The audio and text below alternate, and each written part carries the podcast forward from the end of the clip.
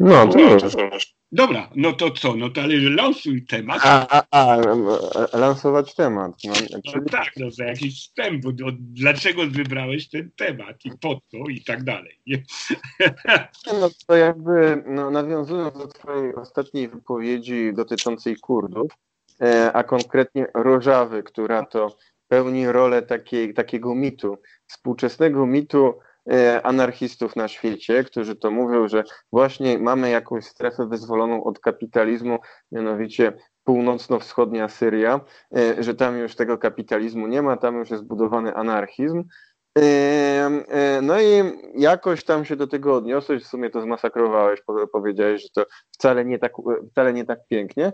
Chciałbym kontynuować tą dobrą serię i przeanalizować inne mity, inne mity anarchistyczne, mianowicie przede wszystkim e, chodzi tutaj o tą Machnowszczyznę, E, Ale jak już poruszamy kwestię Machnowszczyzny, no to ogólnie poruszyć no tutaj całą tą historię rosyjskiego anarchizmu, no w końcu, no gdybyśmy mieli przeanalizować rozwój myśli anarchistycznej, no to no, poza Prudonem to właściwie no, dwóch najważniejszych, no to Bakunin i Kropotkin, no to byli Rosjanami. No. Tak, a poza tym jest Machno, który, no jak on jest niby Ukraińcem, ale e, on nawiązuje często właśnie do rosyjskiego e, anarchizmu. Jest jeszcze e, bunt kronsztacki, który też nawiązywał do anarchizmu em, e, rosyjskiego, więc rzeczywiście to jest temat ważny. Ja może bym zaczął, no bo oczywiście można to traktować historycznie i o tym można e, mówić, będziemy mówić, ale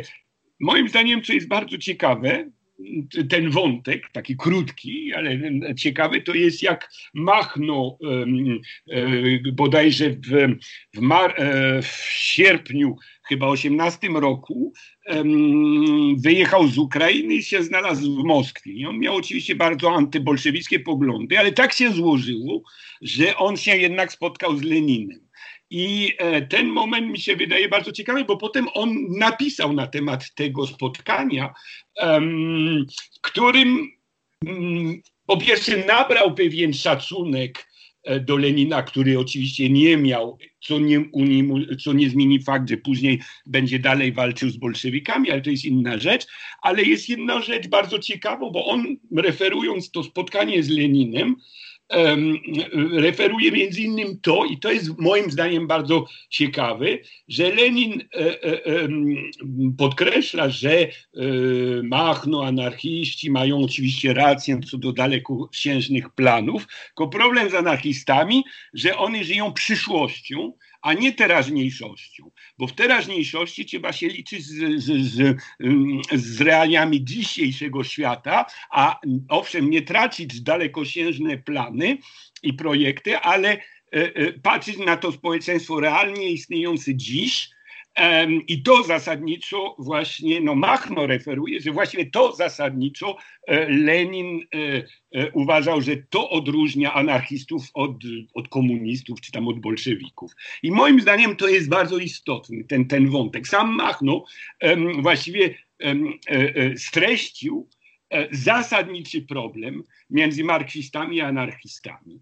Oczywiście on, cytując Lenina, rozmowę z Leninem, ale, mm, ale to jest właśnie to, że mm, anarchizm, anarchiści właściwie em, są w dużej mierze, choć to, to też można będzie o tym dyskutować, ale w każdym razie anarchiści w dużej mierze są komunistami w tym sensie, że oni zmierzają do społeczeństwa komunistycznego, bezklasowego, bez państwa i tak dalej, i tak dalej, tylko one żyją tą przyszłością, i nie widzą, co to dzisiaj jest, czyli jaki jest stan społeczeństwa dziś, jaki jest stan e, poszczególnych klas społecznych dziś i ignorując realia, ignorując nawet, co bym powiedział, realnie istniejący lud, one, one właściwie odchodzą od rzeczywistości i ten brak realizmu e, jest powodem nie tylko jałowości, ruchów anarchistycznych, bo jednak jakby nie było, e, musimy uwzględniać fakt, że właściwie anarchiści nigdzie na świecie nie potrafili utworzyć własnymi siłami coś trwałego i przykład Syrii jest tu ciekawy, istotny, bo bez armii amerykańskiej to by nie istnieli tam też pośrednio, ale jednak, także to jest pier, pierwszy fakt. No a, a, a drugi fakt, że E, e, marząc o przyszłości, oni właśnie przez to nie widzą, że właściwie bardzo często, oczywiście w sposób na pewno nieplanowy, nieświadomy, one służą największym wrogom e, tego komunizmu idealnego, które mają niby służyć. To jest oczywiście problem w ogóle lewactwa, czy tam skrajnego goszyzmu, jak to się mówi po francusku, ale między innymi to jest problem z anarchistami. Także i właściwie Machno, pisząc o, o tym spotkaniu z Leninem, no jakoś musiał to uwzględnić e, e, e, i, i, i, i, i wziąć do, to do siebie, nawet jeśli jego dalsza działalność pokazuje, że to nie, nie, nie doprowadziło do zbliżenia do jego zbliżenia, do zbliżenia jego ruchu e, z ruchem e, bolszewickim. Także to moim zdaniem jest, jest dobry punkt startu. Znaczy, anarchiści właściwie nie różnią się od marksistów ostatecznym celem, tylko zupełnie inne mają, zupełnie inny mają stosunek do obecnej, do teraźniejszej rzeczywistości. I to jest problem. To jest ten brak, brak realizmu i właściwie pod tym kątem anarchiści bym powiedział, że można ich umieścić do kategorii idealistów pod kątem filozoficznym, a nie, pod, a nie do kategorii materialistów. E, nawet jeśli oczywiście odwołują się e, w teorii do materializmu, praktycznie oni się zachowują bardzo często jak e, idealiści. Um, także ten, ten wątek mi się wydaje ciekawy jako, jako wstęp. E, I oczywiście nie pomniejszając to, że um, różne eksperymenty anarchistyczne na świecie, w Rosji między innymi, na Ukrainie e, z Machnem między innymi, ale nie tylko, w Hiszpanii czy tam gdzie indziej, no anarchiści oczywiście wykazali i Bakunin na przykład jako człowiek e, bardzo dużą odwagę w walce o swe ideały i tego nie da się, nie da się pomniejszać, nie da się negować, tak samo jak nie da się negować to, że na pewno Kurdowie Polakowie w Rożawie są ludźmi e, odważnymi, są ludźmi, którzy biją się o swoje ideały i tego nie da się pomniejszyć, tylko po prostu e, kwestia, czy oni służą tym swoim ideałom, czy odwrotnie, e, myśląc, że służą swoim ideałom, one jednak w sumie ostatecznie, konkretnie, konkretnie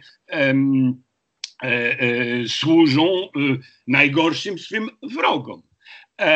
Także to jako wstęp. No teraz jeśli chodzi o Rosję, o Rosję i o rosyjski anarchizm, oczywiście no wiadomo, Bakunin, Kropotkin, Machno, bunt kronsztacki to są elementy istotne. Ja bym powiedział, że do tego trzeba może wziąć to, że um, rosyjska tradycja społeczna miała zawsze e, od, od średniowiecza ciągotki, które bym powiedział przedanarchistyczne. To znaczy te bunty chłopskie, które, czy o te ogromne rebelie chłopskie, które um, właściwie się powtarzały dość często w historii Rosji przed XIX wiekiem, na pewno do pewnego stopnia um, tłumaczą rozwój pewnej, że tak powiem, gleby podatnej na anarchizm. Zresztą podobny jest w historii Chin z tymi, e, z tymi mm, ciągłymi buntami chłopskimi. I to jest istotne. E, także moim zdaniem to jest element, e, element istotny, na przykład, który odróżni bardzo dużo Rosję od Polski. W Polsce nie ma tradycji buntów chłopskich albo jest bardzo słaba tradycja buntu chłopskich przed XIX wiekiem. Przed XIX wiekiem chłop z Polski zbiegł, zbiegł od pana, jak było mu źle, chronił się, nie wiem, w lasach kurpiowskich czy tam u kozaków, ale się nie buntował. Natomiast w Rosji się buntował, w Chinach się buntował. No to, to jest istotny element. I ten bunt, ta tradycja buntu, buntów chłopskich w Rosji, moim zdaniem, to stanowi tą glebę pod e, rosyjskim anarchizmem. E, I, i, i oczywiście to jest element, który należy badać, należy nad tym się zastanawiać, ale na pewno jest to istotne. No to teraz oczywiście jak się mówi o anarchizm rosyjski, no to wiadomo, Bakunin, Kropotkin, Machno, um, e, Brun Kronsztacki, bo ja umieszczę jednak, jakby nie było Machno, do tradycji rosyjskiej. Wiem, że on działał głównie na Ukrainie, ale na Ukrainie Wschodniej, gdzie właściwie granica między ukraińskością a rosyjskością była w sumie słaba, choć oczywiście na pewno do buntów, do, do, do, do anarchistycznego ruchu Machna, Mach, Machny można oczywiście się odwołać do pewnego stopnia, bo to mniej więcej na tych samych terenach, do tradycji buntów i wojen kozackich. Bo coś w tym było. Choć oczywiście E, dużo bardziej uspółcześnione, bo to jest istotne. Trzeba, e, e, często się mówi, prawda, że Machno to jest właściwie on tworzył komuny chłopskie, rolne i tak dalej. Jak się przybliża sprawę, to okazuje się, że jego, jego działalność, działalność anarchistów na tym terenie były raczej w kierunku komun rolno-przemysłowych. E, także element robotniczy był i to jest zasadniczy element. No, trzeba zresztą pamiętać, że e, Machno działał na terenach wiejskich, ale także e, e, Donbasu, gdzie oczywiście były bardzo silne ośrodki robotnicze. Więc oczywiście Machno to nie jest powtórka kozaków, e, to jest zupełnie coś nowoczesnego, który oczywiście do pewnego stopnia mógł się opierać o glebę wcześniejszą, ale oczywiście e, ze, ze znacznymi zmianami społecznymi i ekonomicznymi końca XIX wieku i początku XX wieku. Teraz co, może, może parę słów o Bakunin, parę słów o Kropotkin, żeby potem dojść do tego buntu Machna na Ukrainie. No, no wiadomo, że Bakunin odgrywał bardzo e, dużą rolę w międzynarodowym ruchu e, robotniczym. E, on właśnie rozwijał tą tezę, którą później się nazwi, nazwać będzie anarchizmem i oczywiście z tego powodu, o ile na początku współpracował z Marksem, potem doszło do rozłamu między Bakuninem a, mm, a Marksem, a potem między anarchistami a marksistami. E, co ja od Bakunina, oczywiście, no wiadomo, no, te teorie anarchistyczne, on odgrywał bardzo dużą rolę i on rozwijał tą tezę, prawda, e, e, tworzenia społeczeństwa, że tak powiem, komunizującego od podstaw, tego nie ulega wątpliwości. Może jeszcze do tego należy przypomnieć, wspomnieć u Bakunina pewne elementy, które są dla nas ciekawe, to znaczy to, że e, Bakunin był e, do pewnego stopnia bym powiedział, oczywiście do pewnego stopnia rzecznikiem tak zwanego panslawizmu, ale oczywiście nie panslawizmu carskiego, bo on był oczywiście e, wro zasadniczym wrogiem carstwa, ale uważał, że narody słowiańskie mają e, pewne skłonności i są na takim etapie rozwoju, że e, mogą przyczynić się do zasadniczego przełomu politycznego na skalę światową. To jest pierwsza rzecz. I w związku z tym zainteresowaniem się tym narodami słowiańskimi. Oczywiście on miał dość przychylny stosunek do polskich buntowników czy tam powstańców, ale co u niego należy zwracać uwagę i pod tym kątem on był jednak e, e, w pewnym sensie wizjonerem, to znaczy, że on się mm, kłócił z Marksem e, w sprawie tego, co Marks nazwał nie wiem po polsku jak to powie, pozostałości narodów. O, bo Marx uważał, i do pewnego stopnia oczywiście to się sprawdzało, że takie grupy etniczne, nie wiem, jak Bretończycy, jak Czesi, jak, e, nie wiem, Baskowie i tak dalej, e, to są e, pozostałości po czasach prymitywnych i to zaniknie w ramach wielkich narodów um, politycznych, e, za który na przykład wśród Słowian, no to jednak Marx uważał, że właściwie Polacy i, i Rosjanie to są prawdziwe narody, a wszystkie inne te słowiańskie to, to, to są e, e, właściwie grupy etniczne, które nie mają przyszłości.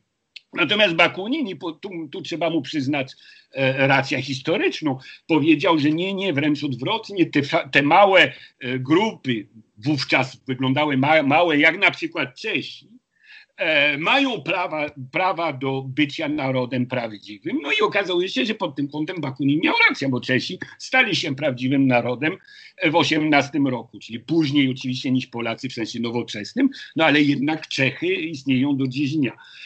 No i jeszcze nie tylko Czechy, ale Słowacy, Chorwaci, e, Słoweńcy i nie wiem tam kto, kto jeszcze. I tu pod tym kątem anarchizm, e, tu, tu, tu ten element no, należy jednak wziąć e, jako element pozytywny, to znaczy anarchizm Bakunina zwracał uwagę na pewne fakty, które w ówczesnej Europie, w XIX-wiecznej Europie uchodziły za za pozostałość, po, pozostałościami z, z, czasów y, wcześniejszych, że, że prawda, tak jak Bretończycy jako naród, naród y, przestali istnieć, tak jako narod, grupa etniczną przestali istnieć, no to tak samo z Czechami będzie, z, z Baskami, z nie wiem, z, z, skąd tam jeszcze. Także ten element no, należy należy jednak wziąć pod uwagę i to jest tym ciekawsze dla Bakunina, że jednak jakby nie było, Bakunin był Rosjaninem i był um, e, e, e, nawet z rodziny szlacheckiej. I e, mm, no, można było przypuszczać, że e, z trudem dla niego przyszło do głowy, e, żeby uważać te pomniejsze narody słowiańskie między innymi za elementem postępu, a nie regresu, bo oczywiście w czasach carskich panslawizm był głównie e, argumentem, argumentem e, ucisku cara i ekspansjonizmu Rosji carskiej na ziemię Europy Wschodniej i Środkowej. I ten element no, należy wziąć pod uwagę. Także to jest element, o którym się mało mówi, bardziej się, się mówi na temat ty, ty, tych, tych e, małych narodów i pod tym kątem e, e, należy przyznać, że anarchiści, nawiązując do tych koncepcji, mają zawsze pociąg, który moim zdaniem jest dwuznaczny, ale mają taki pociąg do małych narodów. Czyli oczywiście to, co mówiliśmy wcześniej, Kurdowie, Katalończycy e, i tam nie wiem jeszcze, tam gdzie są mniejszości, to anarchiści mają, e, mają miłość. Nie?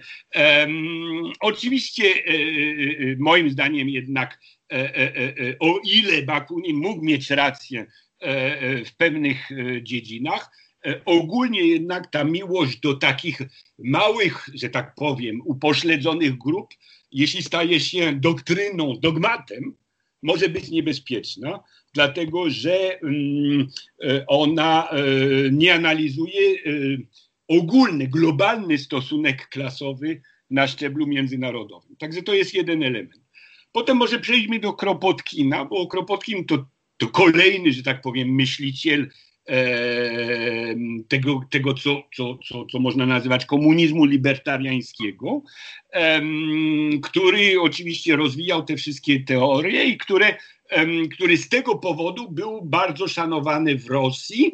E, także nawet w momencie, kiedy umarł za czasów e, bolszewików już, e, mimo że Kropotkin bardzo ostro Mm, atakował bolszewizm i bolszewików, no to jednak jego pogrzeb e, była e, e, no nie tylko tolerowana, ale właściwie akceptowana przez bolszewików jako pogrzeb człowieka, który no, istotną rolę jednak odgrywał w rewolucyjnym ruchu na terenie Rosji. Tym niemniej z Kropotinem są też pewne momenty powiedzmy, jakby to powiedzieć, no, momenty wątpliwe, no bo jednak trzeba pamiętać, że w 14 roku, kiedy rozpoczyna się pierwsza wojna światowa, e, Kropotkin optuje na rzecz um, uczestnictwa w tej wojnie, nie tyle broniąc Rosję carską, bo to jednak dla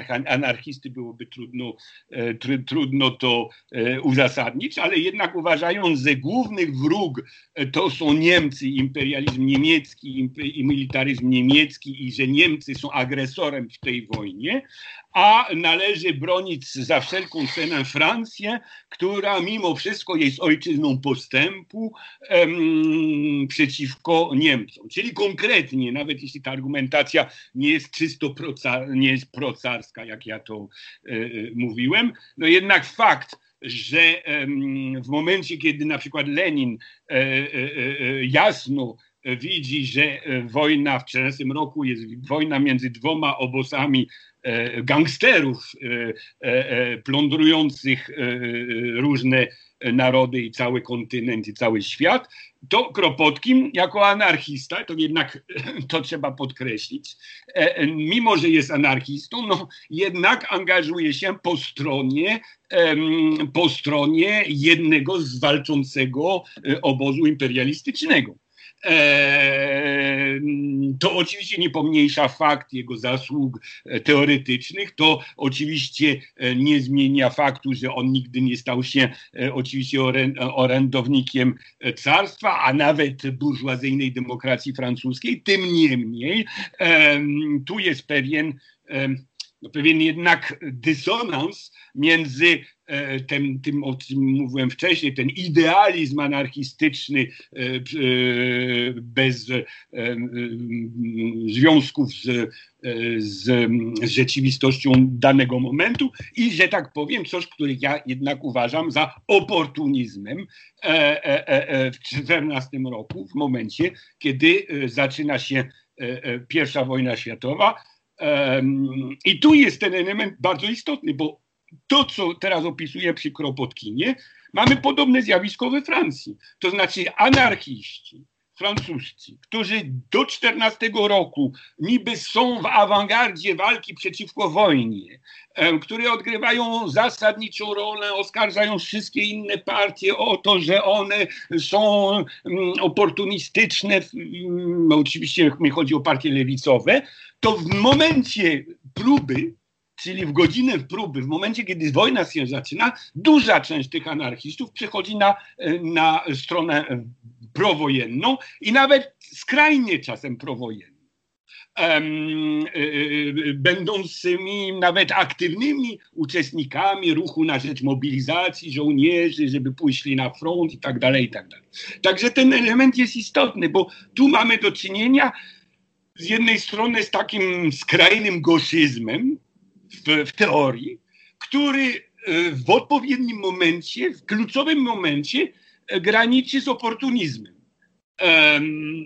I tu wracamy do sprawy Rożawi. To znaczy, z jednej strony mamy ten, ten anarchizm idealistyczny i tam rola kobiet, komun i tak dalej w, tym, w tej Syrii południowo-wschodniej, a z drugiej strony mamy armię amerykańską, mamy armię francuską, mamy Amerykanie, które nawet proszą o to, żeby armia niemiecka wkroczyła na te tereny, mamy powstańczy ruch plemion arabskich przeciwko uciskowi E, e, nacjonalistów kurdyjskich, bo należy jednak pamiętać, że większa część tego Rożawy dziś to są tereny arabskojęzyczne, a nie tereny kurdojęzyczne, więc to są po prostu tereny okupowane przez oddziały mm, kurdyjskie E, I, I, stąd ruch oporu, stąd manifestacje wraki w Dajrezory i tak dalej przeciwko e, Rożawie, no to należy o tym pamiętać. E, z tego też powodu wodzowie tych plemion arabskich wracają do Damaszku i negocjują z rządem syryjskim, prosząc o to, żeby ich wspierał w tej walce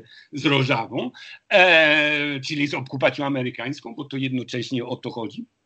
Czyli ten zasadniczy problem e, anarchistów mamy w XXI wieku, tak jak już mieliśmy przed i podczas I wojny światowej. No może to jest ten cały kontekst i, i, i od tego oczywiście mamy sprawę Machno. No oczywiście Machno no to jest cała historia człowieka, który był anarchistą przed rewolucją rosyjską i który oczywiście pozostanie anarchistą do do swojej śmierci w Paryżu w 1934 roku. Ale oczywiście jak mówimy o, o Machnie, co nas interesuje, to jest oczywiście ten konkretny człowiek i z tym konkretnym ruchem między 18 rokiem a 21 rokiem, czyli w momencie, kiedy Machno naprawdę się liczył e, na terenie części Ukrainy, tworząc coś konkretnego, które miało oczywiście za cel tworzenia nowej jakości politycznej, tworzenia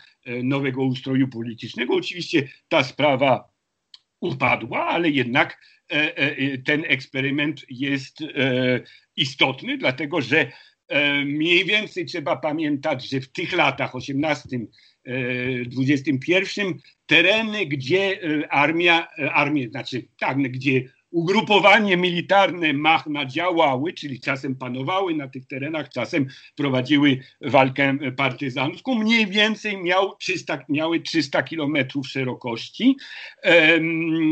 W szczytowym momencie około, licza, liczy się, że około 100 tysięcy było uzbrojonych machnistów, czyli jednak bardzo istotny ten, i że mniej więcej E, terytorium, na którym działali, ewentualnie rządzili, liczył 2,5 miliona mieszkańców.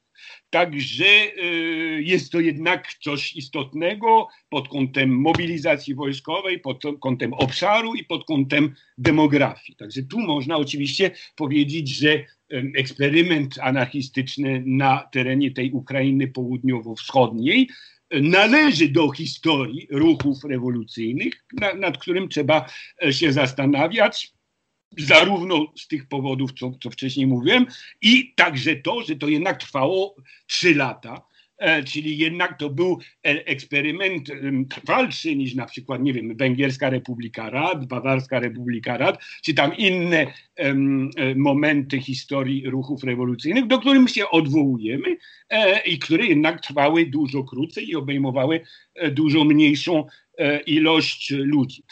No więc oczywiście ta, ta Machno jest e, faktycznie, bo, bo na czele tej tak zwanej powstańczej armii rewolucyjnej ukraińskiej, która się odwołuje do ideałów e, anarchizmu, która odwołuje się do e, ideałów e, komun. Często się mówi komun rolnych, ale tak naprawdę i Machno to podkreślił po jego przybyciu do Francji. On to często podkreślił do pewnego stopnia to prawda, choć należy to oczywiście może jeszcze bardziej przebadać, ale faktem jest, że on podkreśla, że te komuny, które zostały tworzone na te tereny, e, gdzie anarchiści e, panowali, to nie były komuny rolne, tylko to były komuny rolno-przemysłowe, czyli chłopsko-robotnicze, a nie tylko e, chłopskie. Także ten element oczywiście to jest bardzo istotny i należy o tym raz się dowiedzieć i tego bardziej przebadać, bo to prawda, że badania na temat machnizmu właściwie zostały, są niedokończone.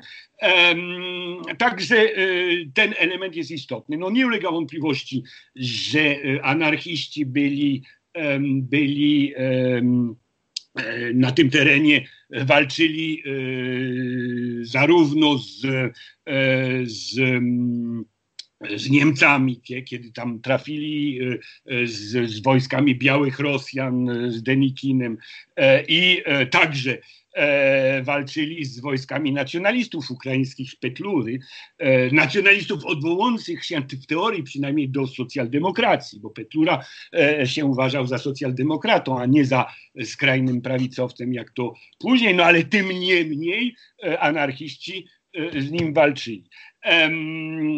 Należy oczywiście przypominać, że w momentach, kiedy e, walka toczyła się o tym, czy, wygraje, czy wygra kontrrewolucja biała, czy e, czerwona Rosja, wtedy anarchiści byli, e, e, znaczy podpisali umowę z bolszewikami o wspólnej walce. Później mówią, że bolszewicy ich zdradzili, bo jak już byli silniejsi, to, to zerwali umowę i kładli kres eksperymentowi anarchistycznemu. Oczywiście należy oczywiście przy tym pamiętać, że ten, który konkretnie e, organizował represję ruchu anarchistycznego, to był Trocki, e, który e, odgrywał zasadniczą rolę oczywiście w Armii Czerwonej, szczególnie na terenie na terenie e, Ukrainy, także ten element jest istotny. Tak samo zresztą jak Trocki odgrywać będzie zasadniczą rolę razem z Tuchaczewskim przeciwko buntowi w Kronstadcie, tam e, nieco później. E, także ten element oczywiście należy wziąć pod uwagę. Faktem jest, że że nie doszło do trwałej współpracy bolszewików z anarchistami i właściwie, co jest E, e, e, element, no, który no, należy wziąć pod uwagę. To znaczy, że no jednak anarchiści, o ile potrafili skutecznie się utrzymać przed różnymi siłami kontrrewolucyjnymi, nawet w momentach okupacji tam niemieckiej czy innej, e, e, z kolei e, nie potrafili się utrzymać przed bolszewikami. oczywiście zawsze przyjdzie E, ta odpowiedź, że a to dlatego, że bolszewicy stosowali terror i tak dalej, tylko że biali też stosowali terror, Niemcy też stosowali terror, wszyscy stosowali terror, ale trzeba się jednak zastanawiać, dlaczego terror jednych okazał się nieskuteczny, a terror drugich okazał się skuteczny. Ja myślę, że tu mamy ten element, że jednak e, e, ten realnie istniejący lud mógł mieć ciągotki, e, powiedzmy, anarcho-komunizujące, ale no jednak jakby nie było, wojska bolszewickie nie były wojskami kontrrewolucyjnymi, nie były wojskami, które zabierały, zabierały własność ludu i ten element jest istotny, a z drugiej strony no, należałoby też się zastanawiać, czy um, rządy anarchistyczne były tak twórcze, jak mit e, anarchistyczny um, to głosi. No, ja na to nie odpowiem, bo, bo właściwie nie badałem do końca sprawy, jak się żyło e, konkretnie na terenach anarchistów przez te lata, kiedy anarchiści tam rządzili. E, e trzeba by tego, tego badać. Oczywiście można E, krytykować to, że przez cały, cza, cza, przez cały okres Związku Radzieckiego nie badano tą sprawę w sposób naukowy. No wiadomo, że nauka radziecka nie była zawsze e, idealnie zorganizowana i, i, i to, to, to, to fakt. Tym niemniej oczywiście no wiadomo, że to, to, to można tłumaczyć tym, że Związek Radziecki zawsze się czuł w pozycji, że tak powiem, oblężonej, oblężonej twierdzy i y, to nie pomagało rozwojowi dyskusji takich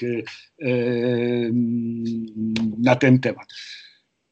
Co zostało z Machnem? No to oczywiście on tam uciekł za granicą, on przebywał we Francji, on mm, przez Rumunię, Polskę, Gdańsk i y, dostał się do Francji. We wszystkich tych krajach zresztą po, po, e, w pewnym momencie miał albo kłopoty z wymiarem sprawiedliwości, albo po prostu był w więzieniu, był uwięziony w Polsce między innym. No w każdym razie do, trafił do tej Francji i tam napisał różne ciekawe rzeczy potem, zanim umarł w 1934 roku. E, na pewno jest to człowiek, jest to postać bardzo interesująca, na którym trzeba um, um, zwracać uwagę.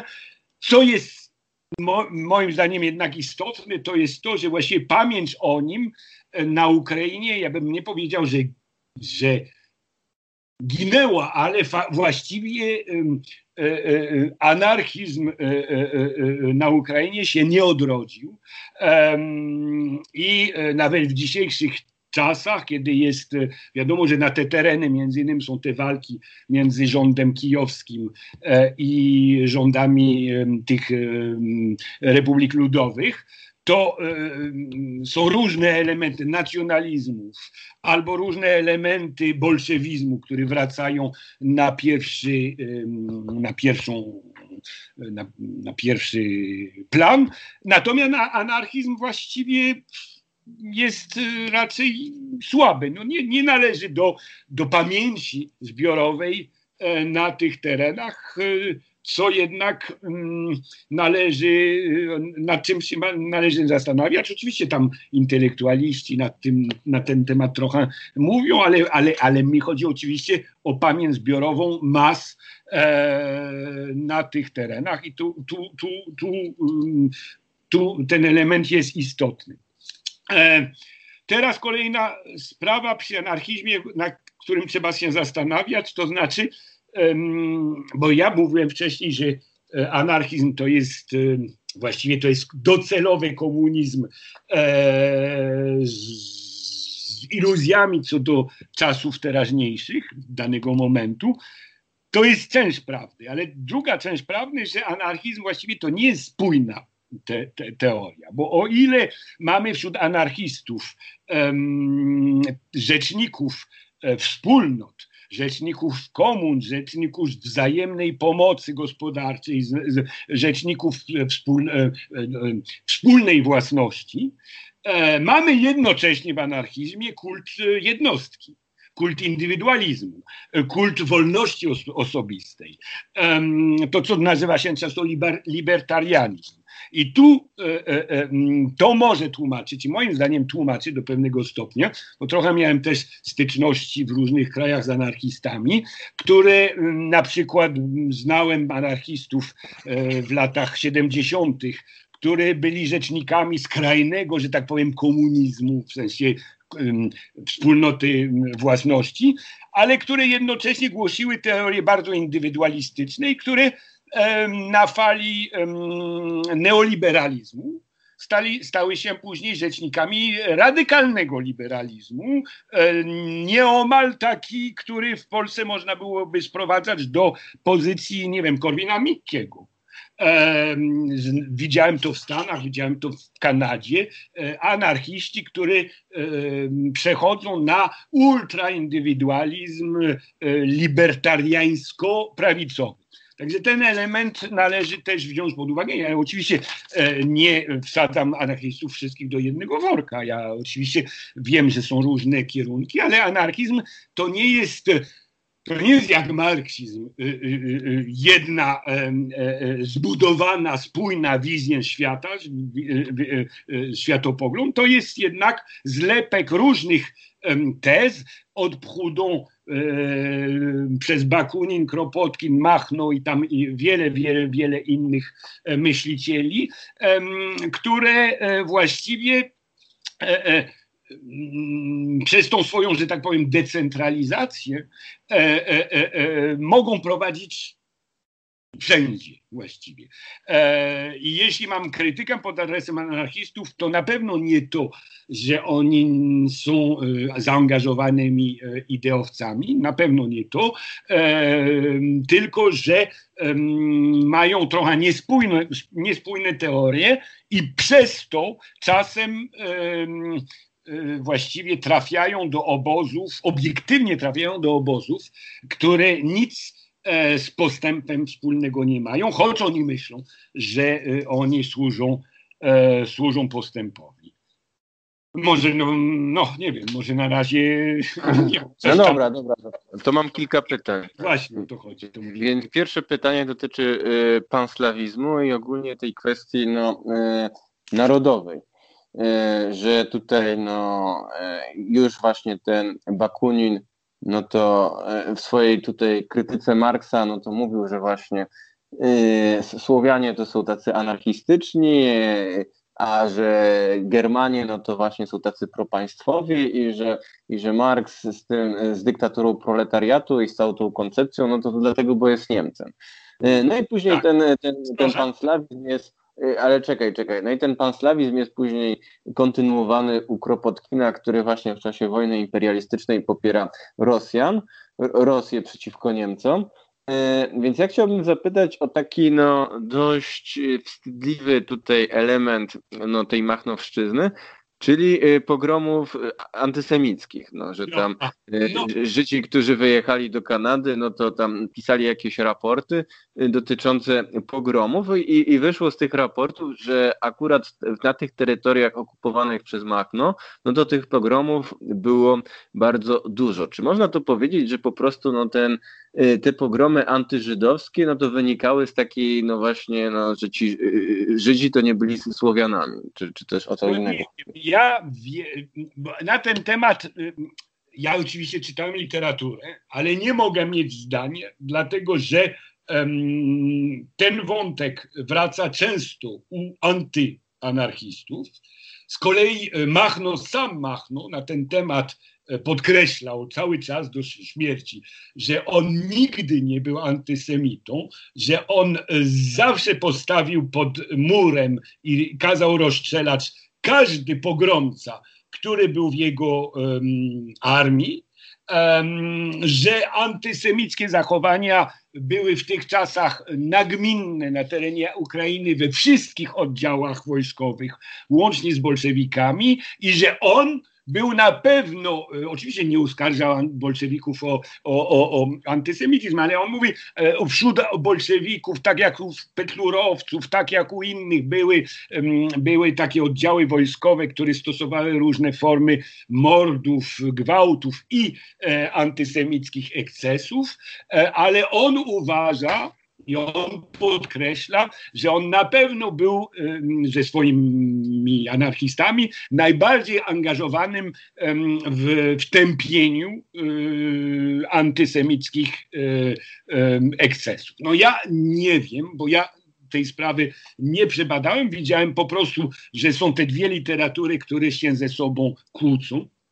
E, czy były pogromy e, większe w strefach mach, mach, mach pod, pod, władzą machnowców, czy w innych e, e, okresach, e, e, regionach, trudno wiedzieć. Wiem, że na przykład Izak Babel który mm, chodził z Armią Czerwoną i pisał, uważa, że oczywiście, że nawet w Armii Czerwonej były, były ekscesy antysemickie, no bo to było, to była, to był prymitywny odruch pewnych żołnierzy, którzy no, uważali, że Żydzi to są właściciele, to są bogacze i trzeba ich jakoś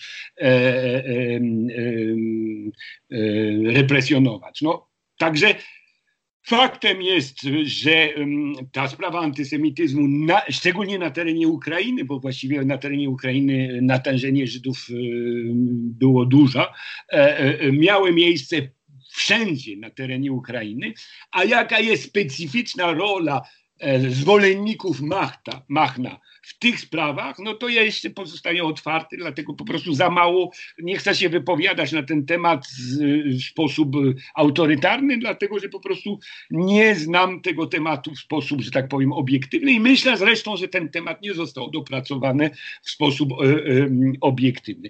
Ja bym powiedział, że na pewno Machno jako człowiek nie był antysemitą, e, bo on wiele rzeczy napisał przeciwko e, antysemityzmowi, ale no nie ulega ulega wątpliwości, że wśród e, e, tych, co uczestniczyli e, w ruchu w Machnowszczyźnie, jak się to mówi, no na pewno byli, były takie, e, takie osoby. A czy można to łączyć z tą ideą, że Słowianie e, i tam ten slawizm niby, e, niby jest, że tak powiem, genetycznie związany z komunizmem czy tam z anarchizmem, a inne narody, inne grupy, inne ugrupowania, inne grupy etniczne są mniej z tym związane, no nie wiem, czy ta, ta, ten, ten, ten związek między teorią a praktyką da się e, uzasadnić. No, na ten temat trzeba by jeszcze e, wiele, e, wiele się zastanawiać.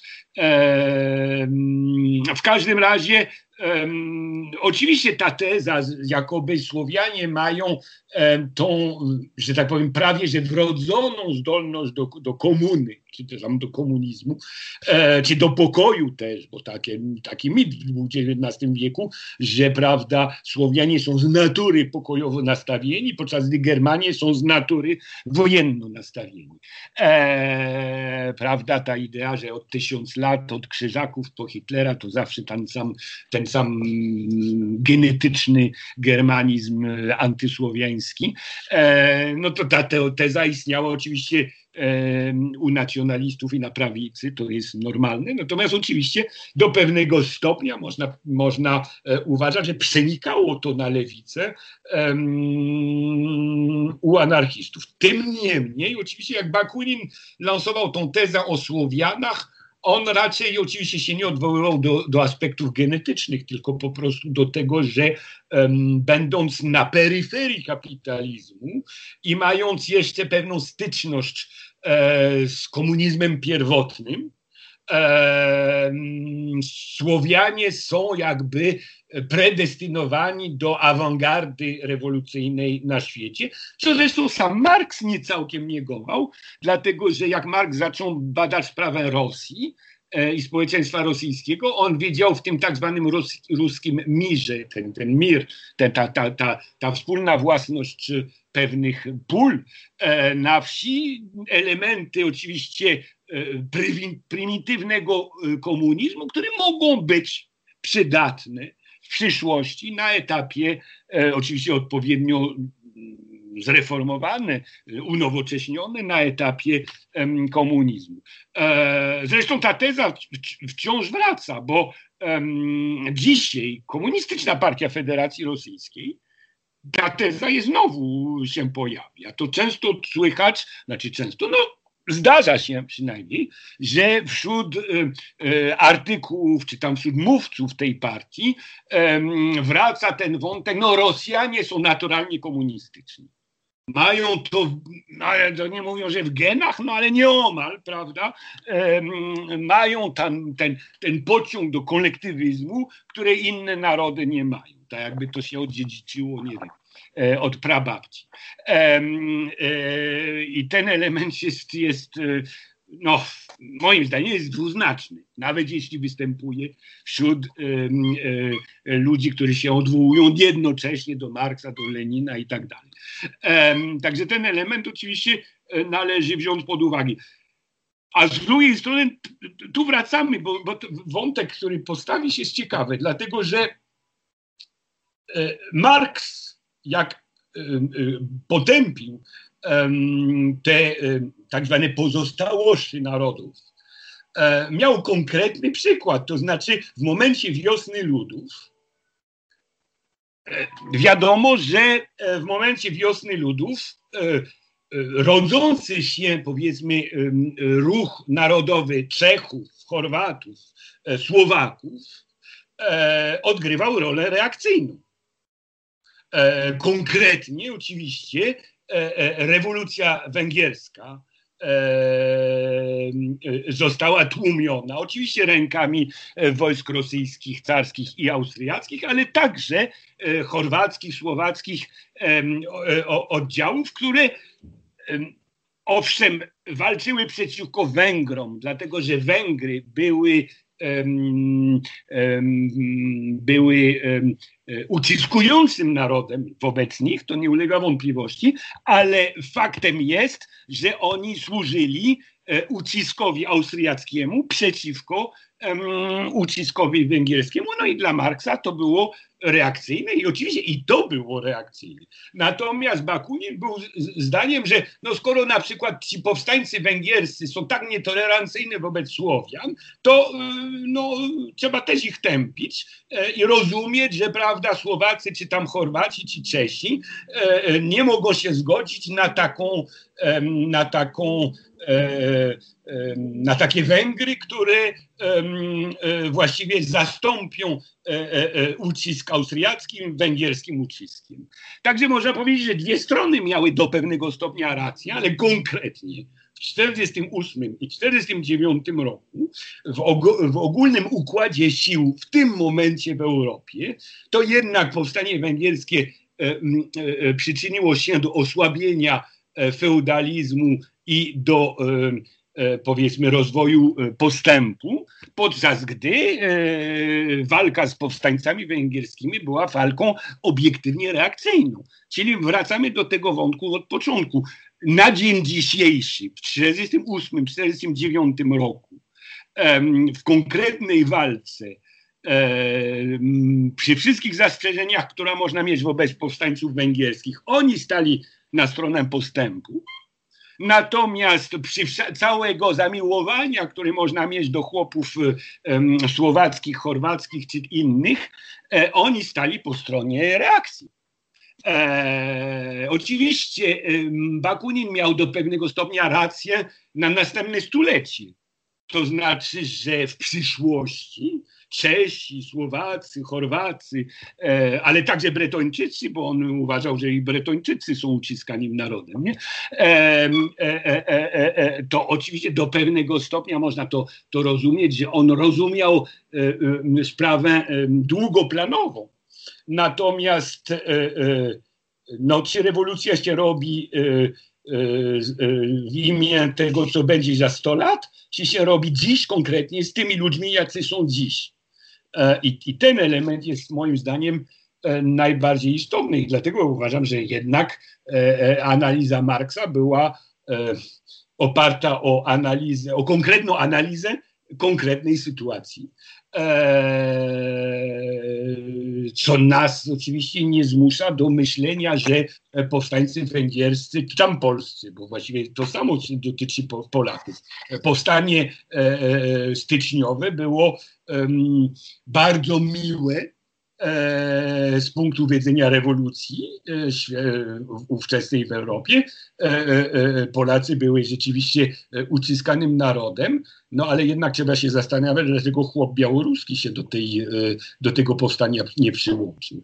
No bo jednak polski pan E, na Białorusi, nie był takim znowu rzecznikiem postępu dla niego. Więc oczywiście e, e, na dzień dzisiejszy w 1863 roku powstanie styczniowe był jednak ruchem postępowym, co nie umniejsza, pomniejsza faktu, że polscy powstańcy nie zawsze byli takimi konsekwentnymi postępowcami, E, w stosunku do chłopów polskich, na przykład czasem, e, a tym bardziej do chłopów białoruskich, litewskich czy, czy, czy ukraińskich. No i to, to trzeba. No, historia jest dialektyczna, historia nie jest e, statyczna i to trzeba wziąć pod uwagę. No i ta polemika między anarchizmem a marksizmem jest ciekawa, jest potrzebna, ale jednak jest pewna, jest powód, dla którego marksizm stał się, cokolwiek by nie sądzić o marksizmie, e, e, realnym ruchem rewolucyjnym w XIX i XX wieku, podczas gdy anarchizm właściwie e, do niczego nie doprowadził trwałego. No i tyle. No, w końcu bilans historii jest jaki jest. Dobrze, to, to, to jeszcze jedno pytanie dotyczące tutaj znowu tej polemiki Bakunina z Marksem. Mianowicie chodzi o to kluczowe pojęcie dyktatury proletariatu. Tak. Bakunin to przedstawiał w ten sposób, że po prostu no, e, dyktatura proletariatu będzie oznaczała, że tutaj nowe elity rewolucyjne staną się nową klasą wyzyskującą. E, no i teraz chodzi tutaj o konkretne zastosowanie e, te, tego do, do Machnowszczyzny że nawet jeśli mielibyśmy, ja chciałbym, żebyś tak porównał no, od strony tej organizacyjnej Machnowszczyznę z Rosją bolszewicką. Bo jeśli w Rosji bolszewickiej mamy tą dyktaturę proletariatu i nawet jeśli anarchiści krytykują tą dyktaturę proletariatu, że nie jest to de facto dyktatura proletariatu, tylko dyktatura partii, no to mhm. w przypadku Machnowszczyzny my nawet nie mamy dyktatury partii, my mamy dyktaturę po prostu jednej, jednego człowieka. No. Więc y, jak to no, od strony technicznej właśnie podejmowania, nie wiem, jak to działa u nich? No? Nie, no to, to oczywiście Machno i zwolennicy Machna wtedy, jak i dziś, bo zresztą anarchiści się odwołują do tej Machnowszczyzny do dziś, mówią, że przecież nie było żadnej dyktatury Machna, to były komuny, które dobrowolnie e, e, współpracowały ze sobą i e, e, e, a jakby no Machno był na czele, ale ale właściwie dlaczego na czele? Bo w ramach anarchizmu nie, ma, nie, ma, nie, nie, mamy, nie, mamy, nie mamy człowieka na czele. Jeśli się jest czystym anarchistą, nie ma ani jednego człowieka, który ma być na czele. A jednak Machno, jak sama nazwa wskazuje, o ile nie mówi się, nie wiem, że Związek Radziecki to jest lenistwo, to się mhm. mówi, że Machnowszczyzna to jest Machnowszczyzna. To się nie mówi, że to jest anarchizm. E, prawda? Mówi się, prawda, że Rosja radziecka jest radziecka, socjalistyczna, komunistyczna. Można oczywiście się spierać co do nazwy, ale się nie mówi, że Rosja lenińska. Natomiast e, nie mówi się Ukraina anarchistyczna, mówi się Machnowszczyzna. A dlaczego się mówi Machnowszczyzna? To świadczy oczywiście, co ty mówisz, że jednak rola jednostki pod, pod nazwiskiem Machno była kluczowa. Czyli no, jak rola jednostki była kluczowa, to znaczy, że jednak ta demokracja komunalno-rolno-przemysłowa była pod nadzorem mm, człowieka i w pewnym sensie była hierarchia. I tu wracamy do tego wątku, o którym wcześniej mówiłem, to znaczy w anarchizmie zasadniczy mankament, moim zdaniem, polega na tym, że z jednej strony głosi skrajny demokratyzm, skrajna e, wolność e, oddolna, wzajemna pomoc i w ogóle taki socjalizm, e, że tak powiem, tak piękny, że jest aż utopijny, ale z, z drugiej strony głosi jednocześnie pochwałę pod adresem jednostki, wolności jednostki, prawa jednostki, indywidualizmu i tak dalej. E, no i te dwa się w pewnym momencie kłócą, bo czy nie ma sprzeczności między interesem jednostki a interesem kolektywnym, to jest zasadniczy problem w ogóle życia społecznego. I właściwie anarchizm, odpowiadając w teorii, w praktyce oczywiście doprowadzi do tego, że, no, że mamy machnu. No dobra, ale, ale słuchaj, ale bo tak. Yy no bo no, powiedziałeś, że, że jakby no ta, ta, te tereny okupowane przez Machno, że to trwały łącznie prawie 3 lata. No Czyli tak. 3 lata no jest to wystarczający okres, no, żeby no, można było jakoś przeanalizować, no, jak to spo... no, musiała być tam jakaś gospodarka, musiała, musiał być jakiś ustrój, bo inaczej ludzie by poumierali z głodu. Więc konkretnie, czy, czy, czy, czy, czy na przykład były podatki? A y, co do, y, co do pieniędzy, właściwie na tych terenach y, właściwie kursowały różne waluty. W teorii nie powinny były kursować żadnych, e, ale, ale, ale, ale kursowały.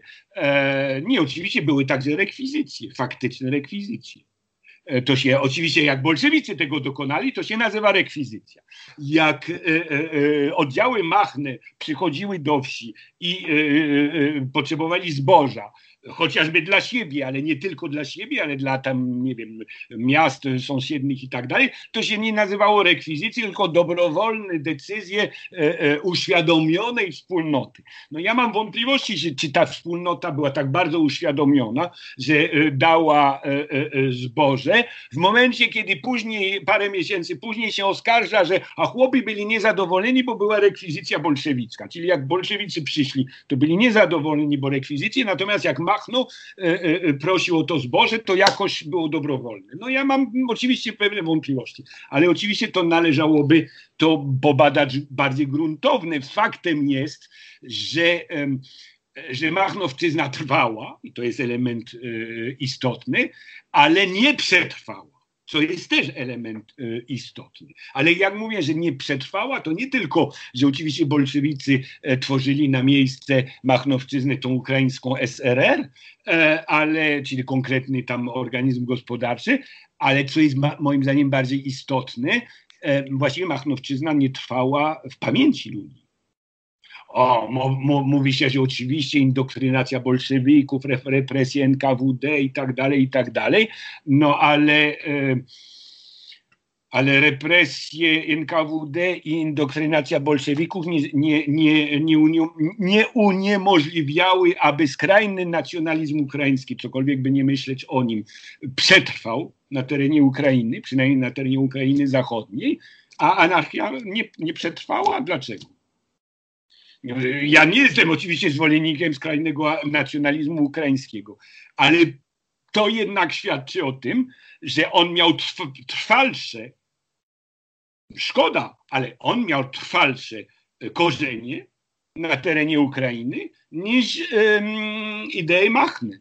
No i no, ja po prostu no, materialistycznie analizuję no, i twierdzam, stwierdzam fakt, że e, w Donbasie teraz jak po e, Majdanie powstali, obojętnie co się sądzi na temat tych republik ludowych, to powstali albo w imię Rosji, albo w imię, w imię bolszewizmu, ale nie w imię Machny.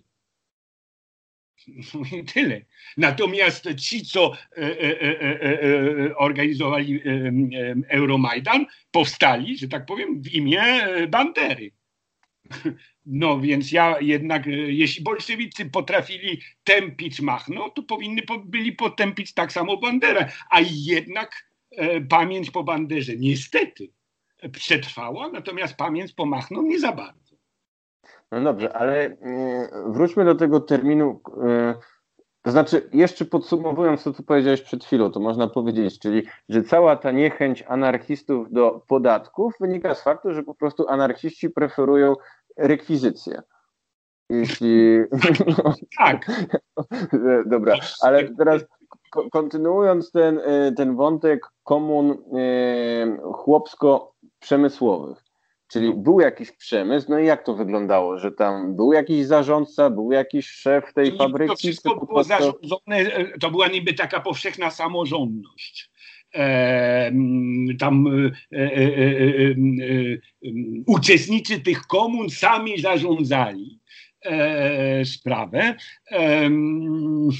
ale w praktyce, no wiadomo, że musiała być jakaś nierówność, bo E, oczywiście ja nie badałem sprawy do, do, do, doszczętnie, więc trudno mi powiedzieć, ale, ale e, e, faktem jest, że ten, ten ideał komun E, rad robotniczych, czy tam robotniczo-chłopskich, e, e, zarządzających wszystko na zasadzie wszyscy są partnerami, wszyscy są równi, jest do pewnego stopnia teorią. Zresztą to samo mamy, mamy bliższy przykład. Mamy przykład Libii.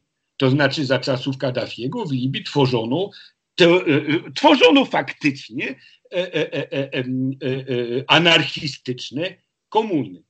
Ale faktem jest, że y, teoria Kaddafiego była właściwie anarchistyczna, choć on się nie odwołał do tego słowa, ale jeśli się czyta zieloną książkę, to jest y, y, książka czysto anarchistyczna. Socjalizmu anarchistycznego. Z domieszką islamu, ale w każdym razie polityczno-społeczny to jest anarchizm. Ale konkretnie tu mamy przykład, jak już tworzyli to, te struktury, no to owszem, w sprawach drugorzędnych była, że tak powiem, pełna anarchia, natomiast w sprawach kluczowych, czyli e, kto zarządza naftą, kto zarządza wojskiem, e, kto zarządza polityką zagraniczną, mieliśmy państwo, czyli dyktatura, no, proletariatu czy nie proletariatu, to w każdym razie dyktatura e, e, e, socjalistycznego państwa libijskiego. I właściwie mm, właściwie Kaddafi, szkoda, że Kaddafi, Kaddafi nawet się odwołał do Machna pewnych sprawach. To nie czytał na ten jego temat, ale widocznie zbyt mało, bo e, e, ten e, badanie machnowszczyzny może by mu pomogło mniej idealistycznie pojąć tego, tej, tej demokracji oddolnej, który chciał wprowadzić w Libii. Ale to, to, to, jest, to jest element istotny, bo moim zdaniem sprawa libijska należy włączyć do historii anarchizmu, nawet jeśli wiem, że anarchiści wyrywać będą sobie włosy, jak usłyszą mnie, że Kaddafi i anarchizm to jest y, podobne, ale w każdym razie proszę przeczytać zieloną książkę.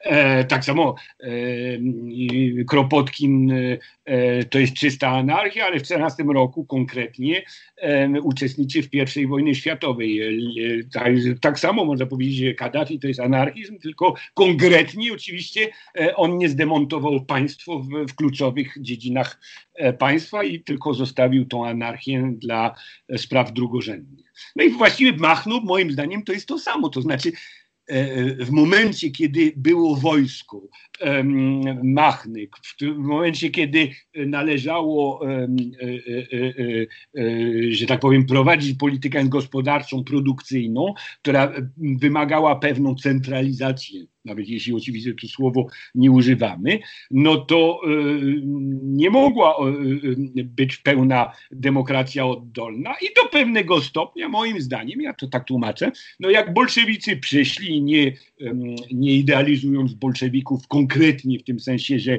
e, przywódcy bolszewicy na tych terenach nie byli świętymi, e, nie wiem co, ale w każdym razie konkretnie właściwie władza bolszewików nie odróżniała się bardzo e, od władzy anarchistów, tylko po prostu była to władza bardziej zorganizowana i, jednak prowadząca do pewnego mierzalnego postępu na następne lata, co może tłumaczy, dlaczego w końcu ten lud południowo-wschodniej Ukrainy się, że tak powiem, poddał bolszewikom i zapomniał o mrzonkach Machnowszczyzny.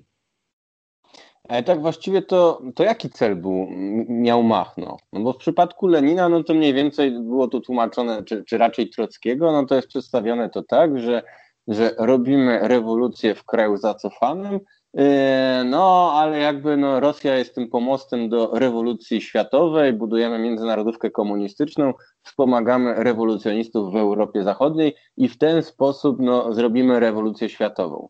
A, a Machno, no to czego on chciał? On chciał zbudować jakieś takie państwo ukraińskie anarchistyczne, czy on chciał jakiś tam... Nie. Nie, nie, on, on chciał tworzyć y, y, zalążek anarchistycznego społeczeństwa, który by się może w sposób magiczny rozprzestrzeniał na świat. E, e, e, on, był, on się koncentrował na te tereny oczywiście, gdzie mógł działać, które jak mówiłem były względnie duże, no bo 300 mniej więcej kilometrów szerokości to jest jednak coś konkretnego. on nie miał chyba warunków, żeby e, e, e, myśleć szerzej, w sensie konkretnie, on utrzymywał kontakty z anarchistami w różnych krajach i zresztą nawet i do niego przyjechali anarchiści spoza Rosji w tych czasach jego. Także i, i, jak on się dostał na zachodzie, on został przyjęty przez e, anarchistów e, francuskich i innych. Także on był związany z, ty, z tym, z tą siecią, że tak powiem, anarchistów świata. I należy oczywiście także pamiętać, że pierwszy okres Bawarskiej Republiki Rad był okres anarchistyczny, bo komuniści właściwie w drugim okresie e, e, e, wezmą ster nad tą republiką, ale w pierwszym okresie Bawarska Republika Rad była mm, raczej w kierunku anarchizującym. Także właściwie y, y, Machno nie był jedynym e, e, e, ośrodkiem, gdzie ta, te skłonności, te tendencje anarchistyczne się rozwijały, ale oczywiście on nie miał środków, żeby móc prowadzić, tak jak Lenin, prawda, wizję na cały świat. To była tak, taka teoria, ale oczywiście on na pewno nie można powiedzieć od, y, o Machnie, że on był y, nacjonalistą ukraińskim, dlatego że on działał na terenie Ukrainy, ale można go raczej uważać za, za rosyjskim anarchistą. Nie oczywiście w sensie etnicznym, ale w sensie, że należał do tradycji do tradycji anarchistycznej Imperium Rosyjskiego i należał do tej kultury anarchistów E, Rosji. Dlatego zresztą e, pojechał do Moskwy. E, jak mówiłem wcześniej, że się spotkał z Leninem, to oczywiście jego cel nie był się spotkać z Leninem, tylko zobaczyć, co się dzieje wśród anarchistów na terenie Rosji wtedy bolszewickiej. Także on chciał współdziałać z tymi rosyjskimi anarchistami, dążył do tego, ale oczywiście przyszłość mu na to nie pozwoliła. Poza tym pobytem i, i, i spotkaniem z Leninem. A, a ten, a, a jak wyglądała kwestia rolna? Bo z tego, co, co, co, co słyszałem, no to, to w Katalonii zrobiono kolektywizację. A, a, a na Ukrainie to zostawiono tą taką prywatną własność ziemi? Czy... To, było, to, było, to, było, to było kolektywne, niby, niby kolektywne. Czytałem, że to, ten kolektywizm konkretnie w tych wsiach nie zawsze funkcjonował tak kolektywnie, jak się to mówi, ale w teorii własność była kolektywna.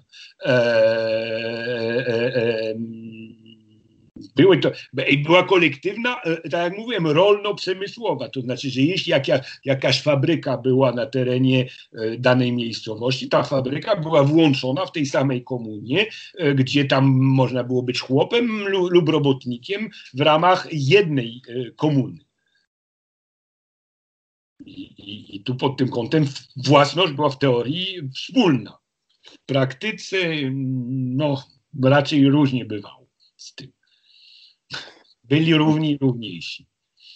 Czyli tak, jeśli mielibyśmy tutaj y, porównać no, y, trzy, trzy przykłady jakichś takich komun anarchistycznych, właśnie Machnowszczyzna, Katalonia yy, i, i, i Rożawa, no to za każdym razem widzimy jakiś taki ten element wojny domowej że anarchiści sami sobie nie robią tej rewolucji, tylko że najpierw jest jakieś państwo pogrążone w kryzysie, gdzie wybucha wojna domowa i oni wykorzystując ten chaos, no to yy, no, no właśnie wykorzystują chaos, żeby tworzyć anarchię gdzieś tam. Czy, czy, czy je, znasz jakiś przykład inny historyczny, który by pokazywał, że, że no właśnie anarchiści są w stanie coś zrobić no bez tego kryzysu państwa jakoś no tak samodzielnie. No, przykład to jest to, co mówiłem, Libia odgórnie, nagle Kaddafi zdecydował, że z Republiki e, Arabskiej zamieni to na państwo mas. Ale to już z kolei odgórnie, to znaczy odgórnie wódz rewolucji zdecydował, że przejdzie od formy państwowej do formy e, bezpaństwowej, w teorii, e, i bez wojny. E, ale oczywiście ten kontrprzykład jest, e, jest do umieszczenia w tej tradycji e, anarchizującej, ale oczywiście nie kompletnej. Nie, no właściwie e, to, to, to oczywiście można się doszukać e, tradycji anarchistycznej, jak wcześniej mówiłem, w czasach wcześniejszych. E, e, no coś tego typu, ale właściwie to jest podobne. Mamy do czynienia w Chinach e, na, w momencie, kiedy Imperium Chińskie zaczyna się rozpadać w XIX wieku, mamy powstanie Taipingu E, który zresztą jest, jest powstaniem w imię Jezusa Chrystusa, ale to jest mniejsza z tym, ten, ten wątek religijny zostawmy na bok. Jeśli zostawimy, zostawimy na bok ten wątek religijny, ogólnie można powiedzieć, że rewolucja tajpingowska była swoistym buntem, powiedzmy, anarchistyczno-chrystusowym. E, nie no, w cudzysłowie, no bo jakoś trzeba go, umie, go zdefiniować własnymi... A, czekaj, czekaj, a, a ten Machno to był religijny czy nie? A nie, nie Machno, nie, nie, on był pod tym kątem tradycyjnym um, um, anarchistą, to znaczy, wiesz, takim samym ateistą jak Bakunin i tak dalej, także pod tym kątem tu ten wątek u Machna jest, jest, jest, jest, jest, jasny. Tu ja mówię o Taipingów, bo rzeczywiście oni się odwołują do, do Chrystusa, co jest dość zresztą dziwne na terenie Chin, które no, w końcu chrześcijaństwo nie należy do tradycji narodowych Chin. Także powstaje ten bunt, który jest zarówno antyimperialistyczny i anarchizujący. I tam przez jakiś czas Taipingowie tworzą zalążki państwowości, który też właściwie jest niby kolektywna, równościowa, no i do pewnego stopnia można powiedzieć anarchizująca, e, ale, ale też nawet w tym wypadku Taipingowie właściwie powstaną na fali może jeszcze nie sytuacji wojennej, ale sytuacji wyraźnej degrengolady państwowości chińskiej. Czyli znowu mamy tą sytuację rzeczywiście, w którym e, właściwie e, powstaje luka i w tej luce wchodzą Taipingowie. no trochę jak powstaje luka w Rosji i między Niemcami a Rosją, no to Machno się, się, mm, się wciska, że tak powiem. Nie no, rzeczywiście, no anarchizm no moim zdaniem no, anarchizm jest to, to, jest to właściwie działanie teoretycznie i w momencie, kiedy praktycznie anarchiści chcą wprowadzić coś w życie, to na ogół to jest niewypał. No, no nie mówię, to komunistom zawsze się udaje coś robić, ale to jest, ale jednak komuniści coś tam robili i dokonali. E, anarchiści to właściwie mm, póki co ja im życzę jak najlepiej, bo rzeczywiście, jeśli te ich koncepcje kiedyś po, e, e, e, się uda, no to, to mamy pełny komunizm i będzie fajnie. Tylko po prostu ja w to nie wierzę, bo analiza konkretnych stosunków społecznych pokazują, że właściwie anarchiści nigdy nie umieli dotychczas stosować, dostosować się do realnie istniejących reguł, po to, żeby panować nad nimi i tworzyć ten swój program społeczny, a odwrotnie raczej bardziej szkodzą e, niż e, pomagają bo moim zdaniem raczej oczywiście może e, kurdyjskim kobietom e, w południowo-wschodniej e, Syrii, jeśli są Kurdyjkami, pomagają. No, jeśli już są Arabkami, to już dużo gorzej. E, e, i, I to należy wziąć pod uwagę. E, po prostu... e, bo tak analizując te trzy rewolucje anarchistyczne, mamy tutaj podobny problem jak z komunizmem. To znaczy, że no, e, no Ukraina tam 18, 19, 20 rok, Hiszpania 36 czy, czy współczesna Syria, no to to jest jakaś tam peryferia kapitalizmu. Tak. E, I, I z punktu widzenia, no, no tam co roku na 1 maja ja chodzę na ten pochód y, francuskich anarchistów w Paryżu, na Belleville. No, to jest, oni są dość silni. No, tam, po, no, tak, tak? Tak, no kilka tysięcy osób zawsze tam demonstruje. Nie, nie chcę powiedzieć, że to jest jakaś, nie wiem, no, że już rewolucja się zbliża, no ale jednak no, jest to względnie, względnie silny ruch. E, w innych krajach tych takich centrum e, imperializmu jak Niemcy czy, czy, czy Stany Zjednoczone też ten ruch anarchistyczny chyba dobrze się trzyma. Jak to się dzieje, no, że, że no, w tych krajach właśnie tego centrum kapitalizmu, no to ten ruch anarchistyczny jest dość widoczny, przynajmniej jeśli chodzi o różne demonstracje, jakieś tam, nie wiem, spotykają się jakieś tam światowe instytucje finansowe, jakieś tego, są demonstracje właśnie i tych anarchistów, ludzi z czarnymi flagami jest dużo, oni są tam tacy radykalni, walczą z tą policją, nie wiem tam co, co jeszcze robią, a równocześnie no, w ciągu tych no, ponad 150 lat yy, właśnie no, trwania tego ruchu, no ani razu nie podważyli ani, kol, ani o jotę, no tutaj panowania yy, no właśnie burżuazji w tych yy, w centrach krajów imperialistycznych. No ja uważam, że po prostu oni są bardzo dobrymi opozycjonistami, w sensie e, dyskursu, w sensie e, mobilizacji młodych i tak dalej. Natomiast oni są słabymi budowniczymi. A no bo w anarchizmie moim zdaniem jest ten wątek no, który ja bym powiedział infantylności. No jest ten element y, infantylny, takie mrzonki, takie marzenia i tak dalej. No i to pociąga, to pociąga bardzo często młodych, młodzieńców i tak dalej.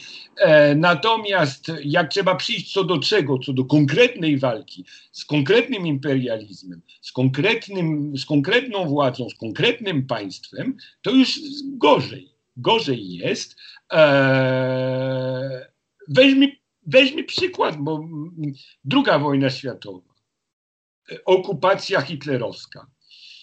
Jaka rola e, ruchów oporu komunistycznych we wszystkich krajach Europy? Oczywiście mniej w Polsce, bardziej w Jugosławii, e, bardziej we Francji, mniej, nie wiem, w Norwegii, ale w każdym razie ogólnie jednak i nie negując to, że różne kierunki polityczne odgrywały rolę w ruchach oporu, no jednak, prawda, komuniści umieli organizować w większości państw okupowanych, nawet w Niemczech, największe i najsilniejsze organizacje, które konkretnie zwalczały okupację, czy tam dyktaturę hitlerowską. Jaka rola anarchistów? No, gdzie anarchiści e, we Francji, w Jugosławii, w Grecji, w Polsce, na Ukrainie, e, gdziekolwiek e, w tej całej Europie okupowanej przez nazistów, gdzie oni byli? Ja nie mówię, że oni nie, że oni lubili hitlerowców, na pewno ich nie lubili, ich bardzo tępili, ale jaka, co przynieśli do konkretnej walki? Konkretnie co przynieśli? Nawet uchodźcy hiszpańscy, jeśli odgrywali zasadniczą rolę w ruchu oporu we Francji, dlatego że było dużo uchodźców hiszpańskich e, we Francji, wiadomo, z przyczyn geograficznych, to jak konkretnie się mówi, że o, e, Hiszpanie tu e, e, uczestniczyli w ruchu oporu francuskim w południowej Francji, 90% sytuacji to zawsze są komuniści hiszpańscy, a nie anarchiści.